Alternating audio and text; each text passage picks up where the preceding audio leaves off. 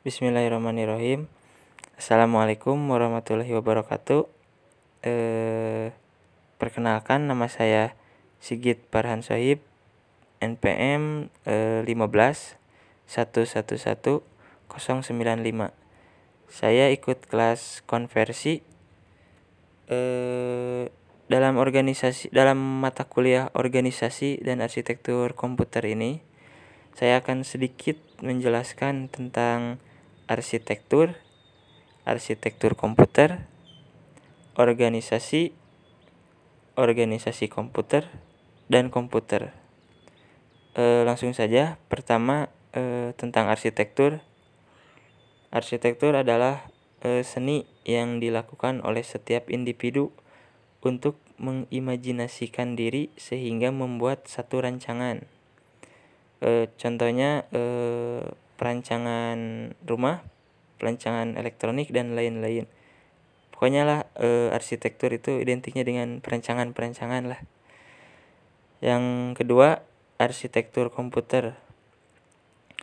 Arsitektur komputer adalah e, konsep perancangan dan struktur pengoperasian dasar dari suatu sistem komputer. E, adapun arsitektur komputer ini dapat didefinisikan dan dikategorikan sebagai seni mengenai cara interkoneksi komponen-komponen perangkat keras untuk menciptakan sebuah komputer yang memenuhi kebutuhan fungsional, kinerja, dan target biaya. E, contoh, contohnya seperti data, data yang sedang dirancang atau diolah dalam suatu komputer. E, arsitektur komputer ini juga mengandung tiga kategori. Yang pertama eh, set instruksi, kedua arsitektur mikro, dan yang terakhir sistem desain dari seluruh komponen dalam perangkat keras komputer ini. Eh, lanjut ke organisasi.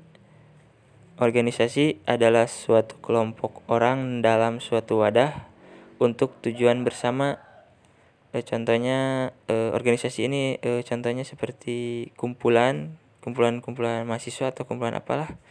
Pokoknya identiknya dengan kumpulan organisasi ini. Yang selanjutnya organisasi komputer. Organisasi komputer adalah bagian yang terkait erat dengan unit-unit operasional dan interkoneksi antara komputer dalam merealisasikan aspek arsitekturnya e, contohnya seperti e, apa ya bagian hardware bagian software dan lain-lain.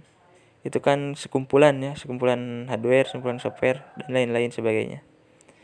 Dan yang terakhir e, komputer pengertian komputer secara umum adalah suatu perangkat elektronik yang dapat digunakan untuk mengolah data sesuai dengan prosedur yang telah dirumuskan sebelumnya sehingga menghasilkan informasi bermanfaat bagi penggunanya.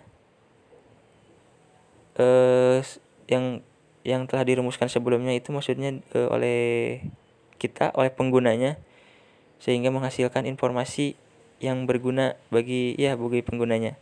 Contoh menghasilkan output seperti data atau yang lainnya. Ada pula eh, komputer ini fungsinya fungsi komputer fungsi dari komputer. Yang pertama mengolah data. Yang kedua menyimpan menghapus atau bahkan mengedit data. Dan yang ketiga eh, apa ya dan lain-lain sebagainya lah masih banyak fungsi dari komputer ini. Oke segitu saja dari saya.